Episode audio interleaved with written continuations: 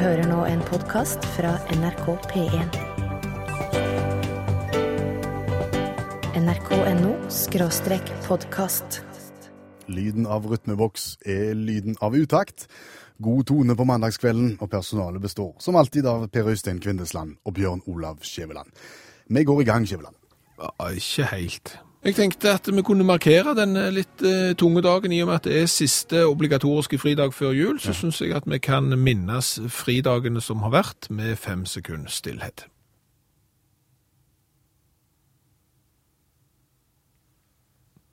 Takk. NRK P1. Og så var du inne på at det var den aller siste obligatoriske fridagen før jul. Det har vi nå behørig markert. Pinsen er over. Og det som jeg lurer på i forbindelse med pinse, Ja. da blir jo veldig ofte køer på ferjestrekninger og på tra i trafikken for øvrig, for alle skal ut og farte når det er pinse. Og hvorfor det? Det er én ekstra fridag, én ekstra mandag. Er det så veldig mye mer enn ei vanlig helg? Må alle ut på en gang fordi at det akkurat er pinse? Ja. Nei, Jo. fordi Nei, det er, som du sier, det er én ekstra fridag. Det er jo liksom kanskje det som gjør at du kan komme deg bort og vekk og senke skuldrene og føle at ja, nå var det en god og lang helg. Men kanskje ikke minst, eh, hvis du tenker tilbake på de helgene som har vært i år, hva har du gjort da? jeg har vært mye hjemme. Ja, Eller har jeg vært på hytta? ja, men Altså, har jeg vært på skitur? når du har vært hjemme, så er det fordi at Ja, fordi det været ikke kanskje nødvendigvis har til, Ja, tillatt det er sant, men tenk deg nå om her, altså. Noen har vært hjemme fordi at det har vært håndballturnering, fotballturnering, korps, et eller annet, noen har noe at de skal gjøre, men plutselig så er det en helg der ingen skal noen verdens ting, annet enn å reise vekk, og da reiser vi vekk samtidig. Og da blir det kø. Riktig det. Akkurat. Var det så vanskelig? Nei, egentlig ikke. Nei. Og du har vært en del av pinsetrafikken i dag. Ja, jeg var en del av den tidlige pinsetrafikken i dag. Jeg kjørte hjem fra Sørlandet og kjørte i bare litt kø. Fant du noe? Så du noe spesielt? Ja, jeg lå bak en Porsche med prøveskilt. En Porsche med prøveskilt? Ja. Var det stilig? Nei, det er dumt.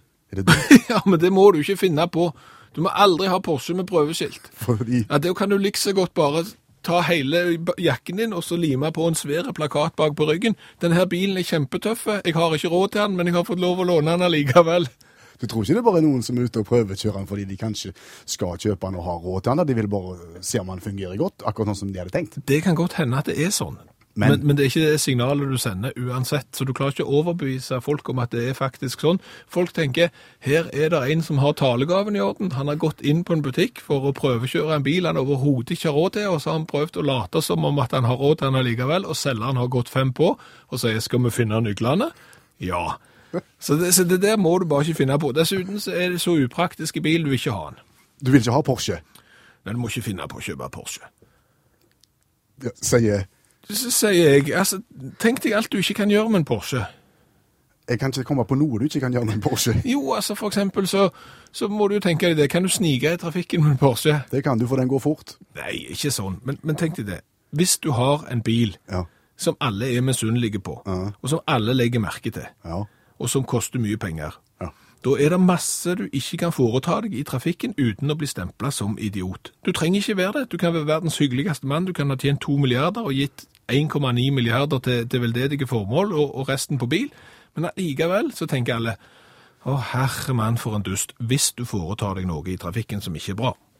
Hvis du har Porsche. Ja. Hvis du har en eh, gammel eh, Ja, men altså, tenk deg for eksempel, jeg, jeg har jo eh, så, hatt en sånn gammel Citroën AX, kanskje verdens mest farlige bil. Altså, hvis du kolliderer med en sykkel med den bilen der, så er det syklisten som rister på hodet og tenker, uff, det var litt vondt i hjelmen, mens du blir fløyet til sykehus med sånn luftambulanse. Har du andre rettigheter i trafikken hvis du kjører den? Nei, men folk er mer tilgivende. Tenk hvis du har en sånn en liten bil som det, så kjører du litt langt fram i køen på motorveien og smyger deg litt inn foran alle andre, så er de litt sånn, ja, da blir folk litt overbærende. Ja, ja, det er sikkert en gammel pensjonist som ikke helt har forstått fletting, og så er de tilgivende. Hvis du da kommer med en dyre Porsche til to millioner kroner og gjør akkurat det samme, ikke bra, ikke bra. Hvis du parkerer litt skjevt, står eksempel med et par hjul inn på handicap-parkeringen. Med Citroengen eller med Med Porsche? for eksempel Citroengen, så er det noen som tenker, ja, ja, han er ikke så god å parkere, han er ikke så god å kjøpe bil heller. Gjør du det samme med en Porsche, så er det ingen tilgivelse. Folk stempler deg som idiot med en gang. Så du må, derfor er det ingen vits i å kjøpe det. NRK P1. Du hører utakt i NRK P1. Og det er ikke over hele verden det er sånn at det er slutt på de obligatoriske fridagene, sånn som vi har markert innledningsvis i dag. Nei, noen er kanskje ikke offer for eh, helligdagsreduksjonen, sånn som vi er. Nei, vi sa at uh, utakt er et interkommunalt program, og det har vi et bevis på her. Vi har fått en uh, melding på Facebook fra Hull i England. Fra Hull. Ja, Håvard har meldt oss. Syns det var rørende med fem sekunders stillhet fra moderlandet. Han begynner der. Men så sier han forresten, britene har fremdeles tre hele fridager igjen før jul. To neste uke pga. at dronninga har vært dronning i, i ca. 1000 år. og én som markerer slutten av sommeren. Så der har de tre igjen. Ja, ja, ja, ja. Nei, men da får han støtte fra Finn B òg, som har sendt en SMS her til 1987 og starta meldingen med utakt. Han sier det er ingen grunn til å deppe over at de obligatoriske fridagene er borte. Vi skal jo snart ha ferie. Da passer det godt at vi skal servere avspaseringstips. Ferietips som har blitt til avspaseringstips i og med at det er allmennlærer Olav Hove som hjelper oss på veien. Han har sett på litt snodige reisehåndbøker og litt sånn snodige reisemål. Og gir oss tips, for uh, det er jo ikke alle som har planlagt ferien ennå. Nei, så her er det muligheter til å plukke opp et par tips i siste liten, sånn at du vet hva du skal gjøre til sommeren. Olav Hove, i dag så anbefaler du sykkelferie. Yes, det stemmer. Eh, bok heter One Wheel, Many Spokes. Eh, prisbelønna bok om det å eh, reise på sykkelferie, eh, vel å merke med sånn enhjulssykkel. Er det populært?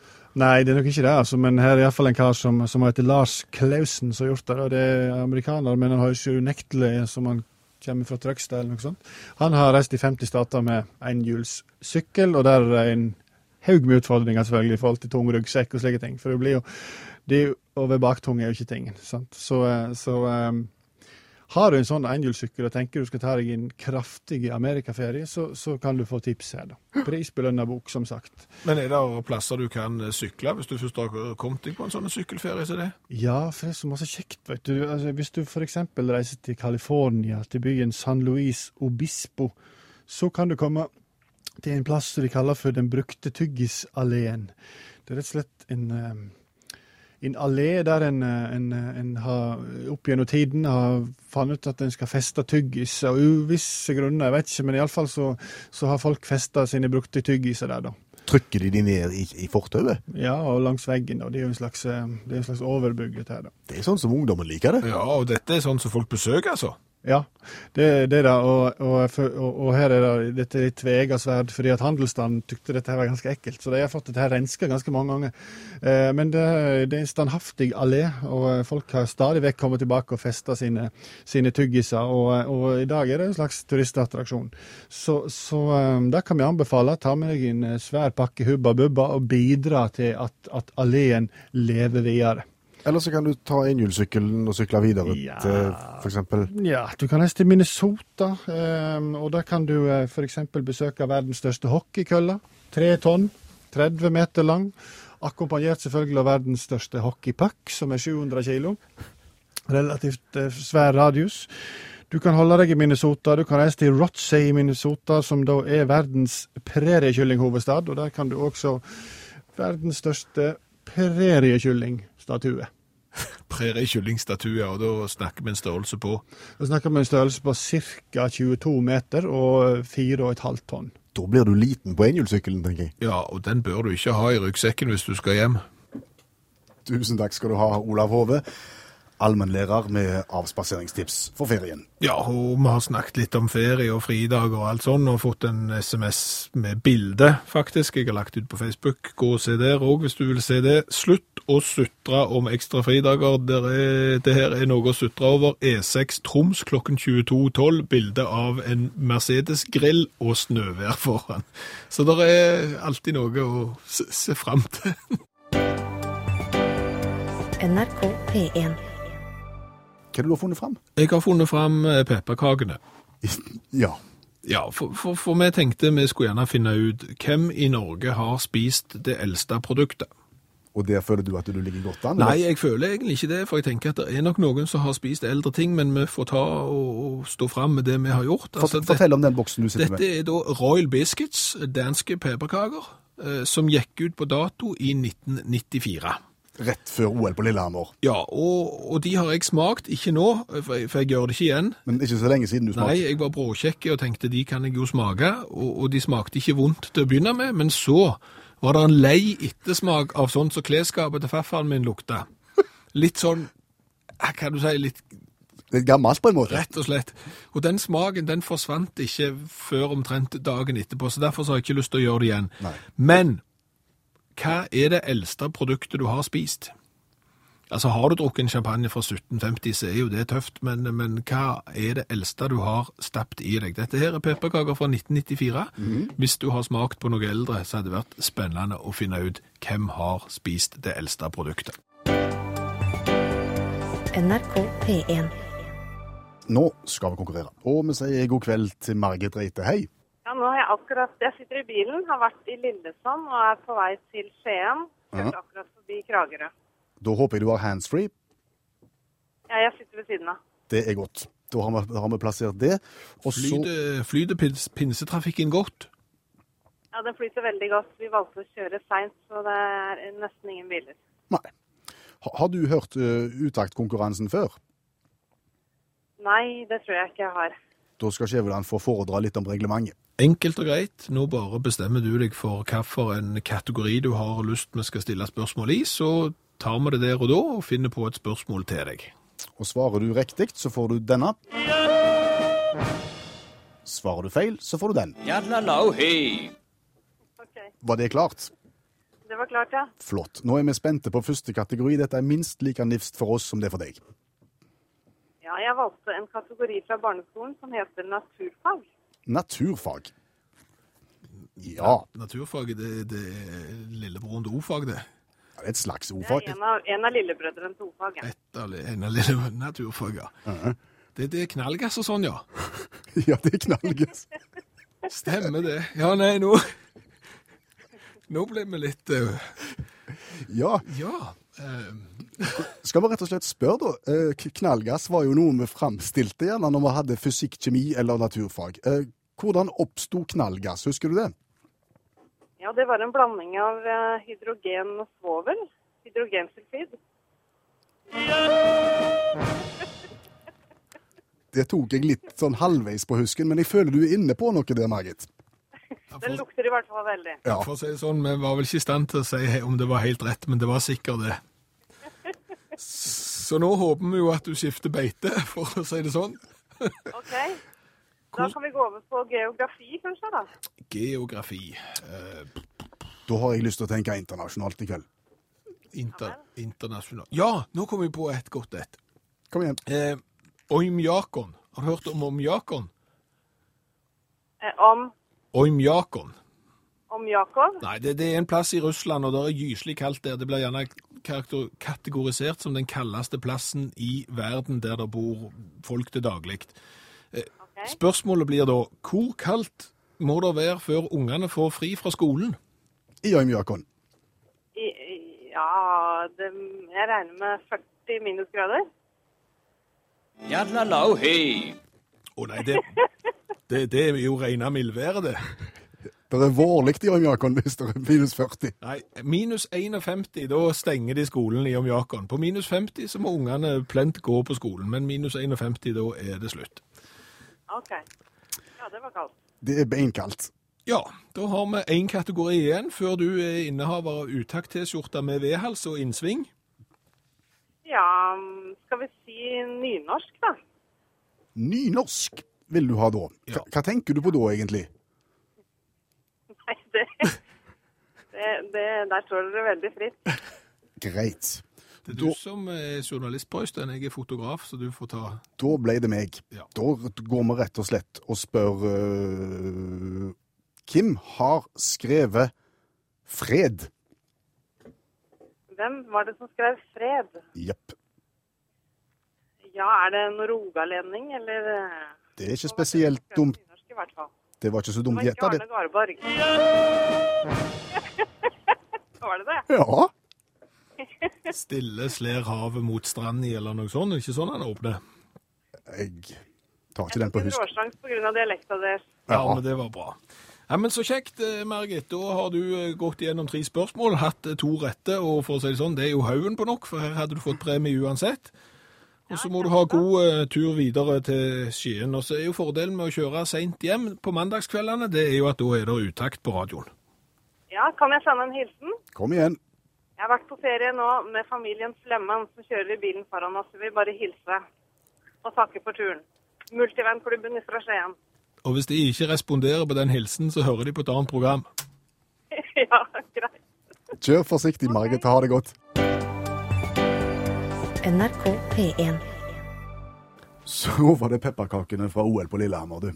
Ja, de er jo ikke fra OL på Lillehammer, på Øystein. De gikk ut på dato under OL på Lillehammer. Det vil si at de er sikre, og dette er jo sånn tørrproviant, så de er sikre et par år før det. La oss tippe at de er fra 1992, og de smaker gammelt klesskap. Du har smakt, og skryter på deg at du har smakt noe av det eldste som fins, men det har du ikke, ser du. Nei, eh, og det som går igjen her i noe av det eldste folk har spist, er jo RSP, rasjonens eh, sånn reserveproviant, rasjonsstridspakning. I Forsvaret, død mann på boks. Død mann på boks, den er jo en gjenganger her på, på SMS-en. Ja, Trond spiste uh, RSP for 15 år siden. Var like god som ny, om ikke bedre, sier han. Og var ikke den fra 1954 eller noe sånt i, på årstallet, iallfall gammel eh, RSP. En fin her, en solbrent Aslak som har sendt inn en SMS. Solbrent fordi han ikke tror på datostemplinga på solkremen, skriver han her, men en gang så serverte morfaren og han hermetiske bokskinker som hadde best før-dato for 23 år siden. Ingen av de andre som spiste visste det, og de var litt spente utover kvelden hvordan dette skulle gå, men det har sannsynligvis gått godt.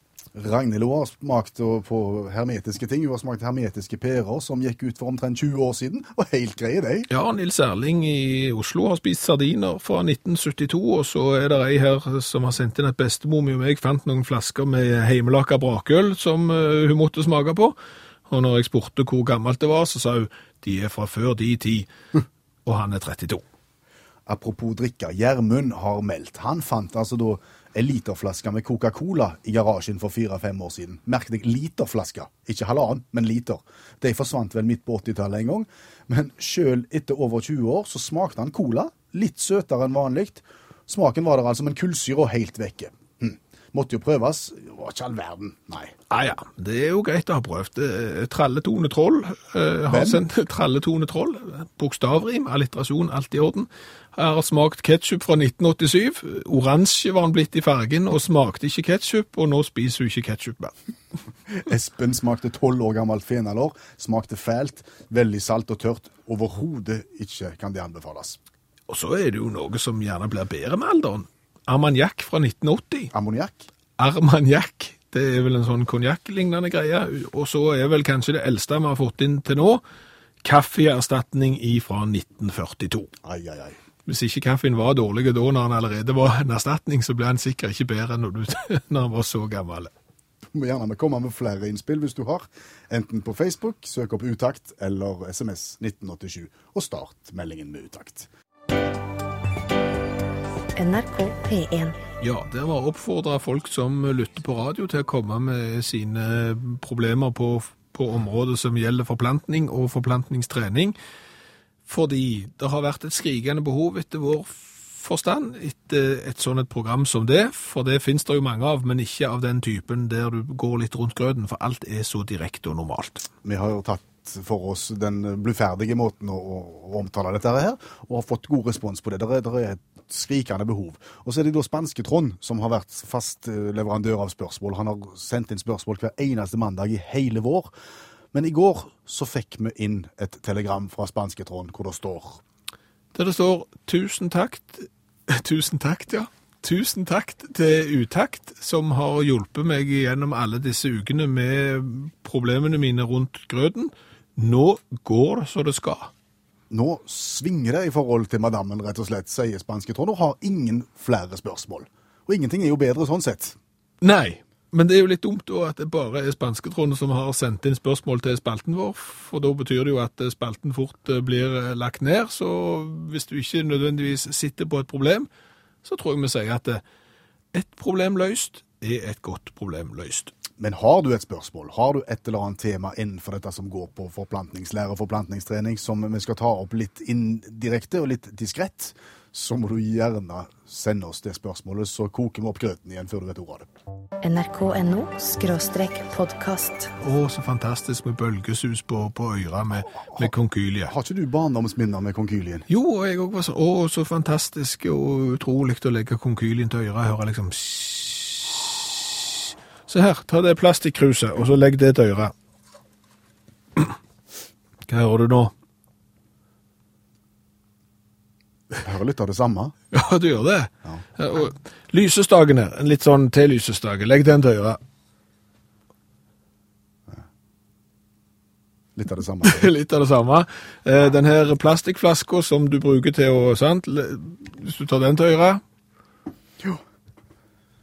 Litt av det samme. Det, ja, kan du ta konkylien opp igjen. Var det det er mer lyd i Ja, konkylien. det er mer lyd i konkylien, men det er likevel bølgeskvulp og sus i plastikkflaska her, som, er til, som du bruker til sånn maskin som du tilsetter kullsyre, plastikkruset og T-lysestaken. Du- All, alle lager bølgeskvulp og sånn. Så du vil nå Nei, altså, jeg vil jo bare ta den der konkyliebløffen og bare slå han til livs. For det er jo bare sånn, ja, hva skal du si, det er jo ikke medieskapt, fordi at det, det er jo bølgesus i den, men det er jo en måte for å få folk til å kjøpe kanskje litt sånn eh, dyre, ikke fullt så fine souvenir. Tror du det er sånne svære konkylie-syndikater der ute som nå jobber og har jobba i hundrevis av år for å få oss til å tro på dette her? Ja, og, og jeg tenker at hva kan du bruke konkylien til, bortsett fra å høre på bølgeskvulp? Du rister på hodet? Ja, ingenting. Ingenting. Hva kan du for eksempel bruke et krus til? Du kan drikke kaffe av det, og samtidig når du har drukket opp kaffen, så kan du ta det til øret, så får du bølgeskvulp da òg. Så hvis du skal til Syden, kjøp et krus til noen, så har de to ting i én. Du hører nå en podkast fra NRK P1. nrk.no podkast. Og så begynte vi programmet med å snakke om den siste obligatoriske fridagen før jul, som vi, som vi opplever akkurat nå. Den har da bare 40 minutter igjen av seg. Og så snakket vi om hvor fint det har vært i pinsen, og så ble vi satt litt tilbake på jorda etter å ha sett at Tromsø slo Brann 2-0 i snøvær, og André sendte oss bilder fra E6 i Troms, der han kjører på snødekte vei. I Rogaland har de satt varmerekord i pinsen, og store deler av Sørlandet har hatt fantastisk vær. Og så fikk vi en melding fra Morten med Å, som har uh, fortalt om sin pinse. Den gikk ikke helt sånn som han hadde tenkt, men han priste pinsevarmen på sin måte. Jeg gjorde jo et forsøk med hengekøye, da. Du gjorde et forsøk, sier du. Ja, det man kan jo må nesten kalle det et forsøk i første omgang. Fortell hva som skjedde. Jeg hadde jo hengt opp hengekøya som jeg skulle gjøre, da. I solide tau opp til solide trær, og alt var forankret. Og jeg la kroppen oppi der og begynte å innta en eh, horisontal som, som eh, vel var ganske behagelig. Så jeg tredde på meg solbriller og begynte å filosofere, eller som vi også kaller sove. Eh, da var det plutselig en lyd som Hvis du hører på, eller ser på sånn tegneserier og sånt, og så kommer det liksom en sånn zoing. Det var faktisk da tauet i hodeenden av greie som røyk. Au. Ja, og det røyk med en sånn fart. Av den metallringen som var i enden av hengekøya, den kom da susende mot hodet mitt og traff midt i planeten. Hva skjedde med resten av legemet? Jo, det, det fulgte jo omtrent samme bane som hengekøya, da. Ben mot bakken. Var det vondt? Ja, det var jo relativt vondt, da. Det var noen rundt her som reagerte. Ja. Det er jo dette her med smerte i offentlig rom og hjemme. Dette her var jo hjemme, da, men, men allikevel offentlig rom, så det ble en sånn litt Et litt formelt hyl, på en måte. Ja, helt korrekt. Så da ga du deg. Da var det slutt på hengekøya. Nei, nei, nei. Jeg hadde jo mer tau, så jeg forsøkte jo igjen, da. Men uh, etter to, to nye turer ned i bakken, så var det bare slutt. Da kjørte jeg på bensinstasjonen og kjøpte heng, slepetau. Så, så nå har du tjora fast eh, hengekøya med slepetau? Ja, ja, ja. Og ikke nok med det, jeg måtte også låne junior sin sykkelhjelm da, for å være 100% sikker. Så nå har du endelig fått slappet av i dag da, og, brukt hengekøya. Nei, ikke i dag, nå har det blitt oversida, men dette her var jo på lørdag. Men innen jeg var ferdig med det slepetauet og den der sykkelhjelmen, så var det jo blitt mørkt og stjernene var kommet fram. Så jeg fikk jo ligge og betrakta stjernene da fra hengekøya. Ja, ja, men det er jo godt. Jeg må få lov å spørre helt til slutt, eh, Morten, med å eh, Kan det ha noe med kroppsvekt å gjøre, dette her? Nei, definitivt ikke. Ok, men da anbefaler vi altså slepetau og sykkelhjelm for å være i, i trygge hender. Så absolutt. Så absolutt. NRK P1. Du betraff et eller annet når vi begynte å snakke om gammel mat som folk har fått i seg. Ja, men det er ganske fascinerende at folk spiser gamle ting. Enten så kan det være fordi at de ikke legger merke til at det er gammelt, eller så kan det være av ren nysgjerrighet, og det virker som det er det siste som er det viktigste for folk. Det eldste jeg noensinne har smakt, sier Jon S., er en 55 år gammel Glenfiddich. Kjøpte 4 centiliter på whiskybaren i Praha. Smakte rett og slett fortreffelig og var steikedyre. Ja, og det kan jo virke som det er noe som blir bedre med alderen. Armagnac fra 1923 og 1928 er smakt her, det var nydelig.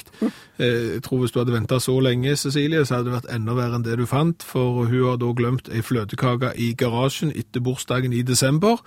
Den kan vi få, sier Cecilie. Ja, han- han smaker garantert ikke godt, tror jeg hiver hele tuppervaren. Jeg har spist sardiner fra 1954 og har en boks igjen. Vil dere smake? spør Geir. Ja, har vi svart, og vent i spenning. Ja, får vi en boks fra 1954, så skal Per Øystein smake den. Ja da. Espen Olsen har da smakt 12 år gammelt fenalår. Smakte fælt, rett og slett. Veldig salt og veldig tørt, og kan overhodet ikke anbefales. Mai fra Tønsberg har spist hermetikk fra 1945, og ingen usmak på den. Nei, og 15 år gammel eplenekter. eplenektar, det smakte eplenektar, men det så ut som det som var igjen på dunken når nabobonden nesten har drukket opp slåttølet sitt, sier Trond. Her er min favoritt. Henning har spist gryterett som var sju år gammel, med kjøttdeig som var seks år gammel. Ingenting å si på smaken. var godt, sier Henning. Ja, det er jo greit å ha prøvd, da. Ja. Og så var det vedkommende her som eh, skulle ha gelé, men fant ut han hadde glemt å kjøpe vaniljesaus, og så fant de heldigvis en pulverpakning eh, i skuffa fra 1988, rørte ut sausen, og ble egentlig ganske godt, sier Silje, som fortsatt har ferie. Ole Klyve spiste kjøttkaker i 1965, som var hermetisert i 1940. Helt topp! Kanongodt. Ja, og så er vel noe av det eldste vi har fått inn her, det var svigermor som hadde ubrente kaffebønner i en boks fra, på loftet, som var fra første verdenskrig. fra første verdenskrig. Fra første verdenskrig, ja. Og det smakte utmerket når de først var brente, sier han Øystein. NRK.no podkast. Og vi har kommet fram til programposten, som jeg gjerne kaller fiasko. Ja, det var jo ikke spesielt hyggelig da. Nei, men sånn har det nå en gang blitt. Ja, det er vel en annen måte å se for seg at det er ennå uante muligheter. OK, det handler om smelling. Ja, det handler om eh, det som har begynt som eh, tradisjonsbæring, og nå har endt med at vi smeller det som smelles skal. Ja, det begynte med å, å blåse opp en uh, liten sånn en eh, papirpose som du gjerne får godteri i. Blåse opp den, slå den mot låret, bang. Det gjorde ungene før i tida. Det gjør de ikke nå lenger. Nå tenkte vi vi skulle slå et slag for den tradisjonen der. Ja, de trenger sterkere stimulans. Eh, De trenger å se at uh, smelling kan foregå i 2012 og være like interessant som Disney Channel og og Cartoon. Eh, Og dermed så har vi prøvd å smelle litt forskjellige ting, og det er vel kanskje der fiaskobegrepet kom inn. Ja, for det har nesten ikke smelt noe som helst. Sist gang så var det en badeball som ble forsøkt oppblåst ved hjelp av kompressor. Den smalt overhodet ikke. Ja, men det var fordi han sprakk. Ja, det er det han skal når han skal smelle. Jo, men han sprakk bare litt. Det ble ikke det helt Nei, men i dag, for å si det sånn, i dag har jeg kommet på noe som er så genialt enkelt at det enkelt er bare genialt. Det er nybrottsarbeid, vil jeg si. Ja, altså, bobleplast. Hva er det? Ja, det er sånn du pakker inn skjøre gjenstander i når du skal på flyttefot. Ja, sånne små Ja, mm. Ja, og så trykker du på de der, så blir du sittende litt i dine egne tanker, og så trykker du på de boblene med luft, og så får du sånn bitte små smell. ja. Og da er det jo bare å tenke seg. Hvis én sitter på tribunen og roper 'heia Viking', for eksempel. Ja, det gjør jo ikke det. Nei, det er jo nesten ingen som gjør det. Men la oss ta et annet. Altså, det, Ta Tromsø, du. ta Tromsø, for eksempel. Hvis det er en som sitter på tribunen og roper 'heia Tromsø', er det spesielt høyt? Nei, Hvis 10 000 sitter på tribunen og roper 'heia Tromsø', er det da høyt? da blir det kjempehøyt. Ja, hvis du tar og smeller én luftboble i bobleplassen, er det høyt? Nei. Hvis du smeller 10 000? Da har jeg skjønt poenget. Riktig. Det jeg har lagt, jeg har lagt en bobleplastcocktail. Og den klarer jeg jo ikke å smelle med egen håndkraft, så derfor så har jeg toget frem, tok fram vedkløyveren for å få et par tonn med trykk på, sånn at det da skal tusenvis av bobleplastbobler gå i, ja, Gå av på en gang. Beskriv cocktailen. Nei, altså det er rett og slett bare bobleplast i forskjellig størrelse, tulla inn i en svær haug og med teip rundt for å holde dette sammen, og så har jeg modifisert eh, vedkløveren bitte litt sånn at jeg får større kontaktflate, Og så tenker jeg at eh, et par tonn med trykk der, det skal gjøre susen. OK. Er du klar for eksperiment? Ja, jeg går ut på gangen der det er best akustikk, og HMS-en har fortalt meg at det må jeg gjøre. Spring ut. Har du tenkt HMS, forresten? Jeg eh, tenker alltid HMS eh, på Røystein. Jeg har vært på HMS-kurs, og jeg vet at det er om å gjøre å få restrisikoen så lav som overhodet mulig, Ja. og at improvisasjon er HMS-ens verste fiende. Da har du grunnsetningene på plass. Ja. Og da er det vel egentlig bare å ture i gang, eh, skru på vedkløveren og trykke på cocktailen her. Da er vi i gang, og presset oppstår øyeblikk. Nå begynner stempel å nærme seg denne her cocktailen min, og så bobleplasten. Klar, ferdig.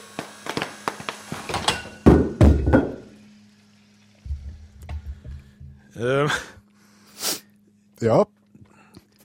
Det smalt ikke spesielt høyt.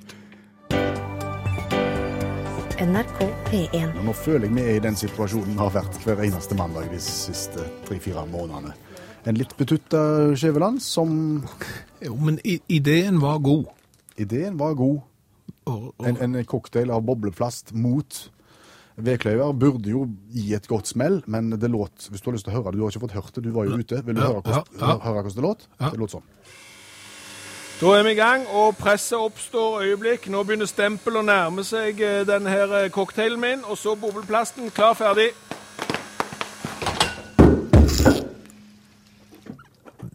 Du, du hørte at det var noe på gang. Det begynte å knatre som på nyttårsaften. Ja, litt knatring, og så, og så gikk det skeis, og så datt eh, stempelet av, og så eh, ned i linoleum. For det, altså jeg hadde jo plastikk sånn som dette. Ja.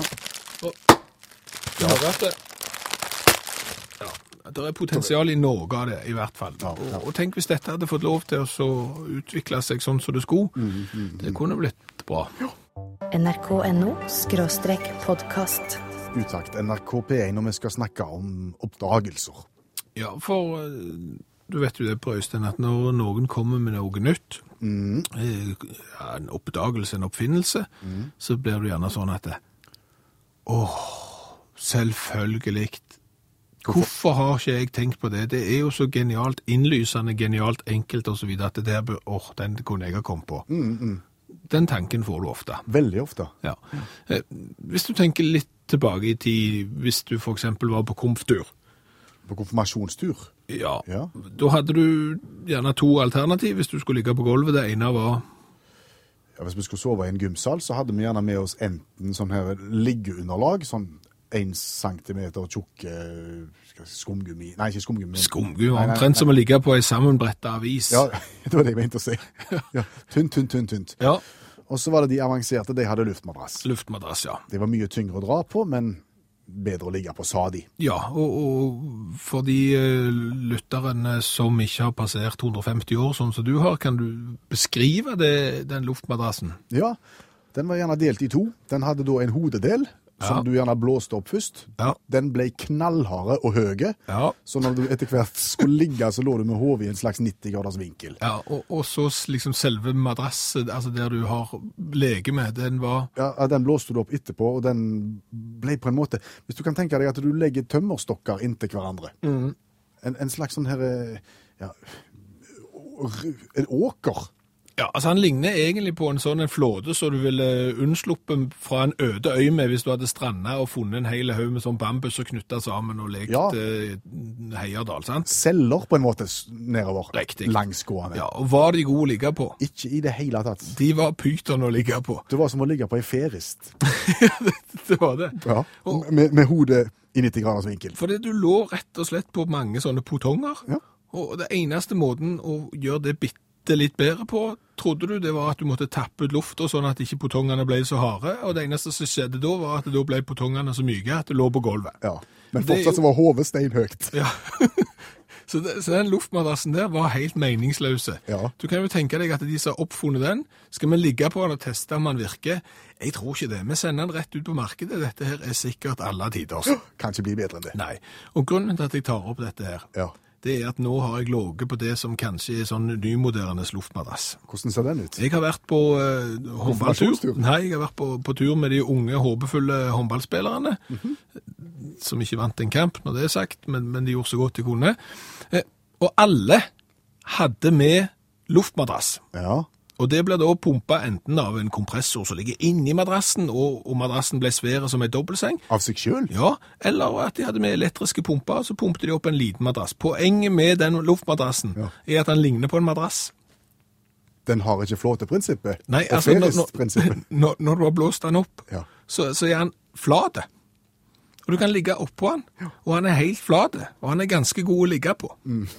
Og det har da tatt ca. 40-50 år, der noen har ligget på en sånn en flåde som Tor Heyerdahl sikkert kunne reist til påskeøyene med, og tenkt at kan vi gjøre dette bedre? Jeg tror ikke det. Dette er nok det beste. Nei, det er nok det beste vi kan få til. Men det er ingen grunn å gå tilbake til tegnebordet her og se om det går an å endre på dette prinsippet her. Dette virker. NRK P1. Du insisterte på den, da? Ja, jeg følte det var på sin plass. Du har rett og slett lagd deg en liten medley. En liten eh, kollasj av eh, bidrag i Melodi Grand Prix-historien der Norge har fått null poeng og blitt sist. Ja, I anledning det som skjedde i Aserbajdsjan nå på lørdag. Det ble ikke null poeng da? Nei, det ble vel syv, men eh, Norge ble sist. Men det var for å sette det litt i perspektiv. Kanskje trøste bitte litt og si at det da går alltid et tog og, og den slags. Norge har kanskje verdensrekord i å tape Melodi Grand Prix. Det er vel tolvte gang vi har blitt eh, sist, og vi har fått eh, null poeng fire-fem ganger. Sånn at eh, det er jo håp.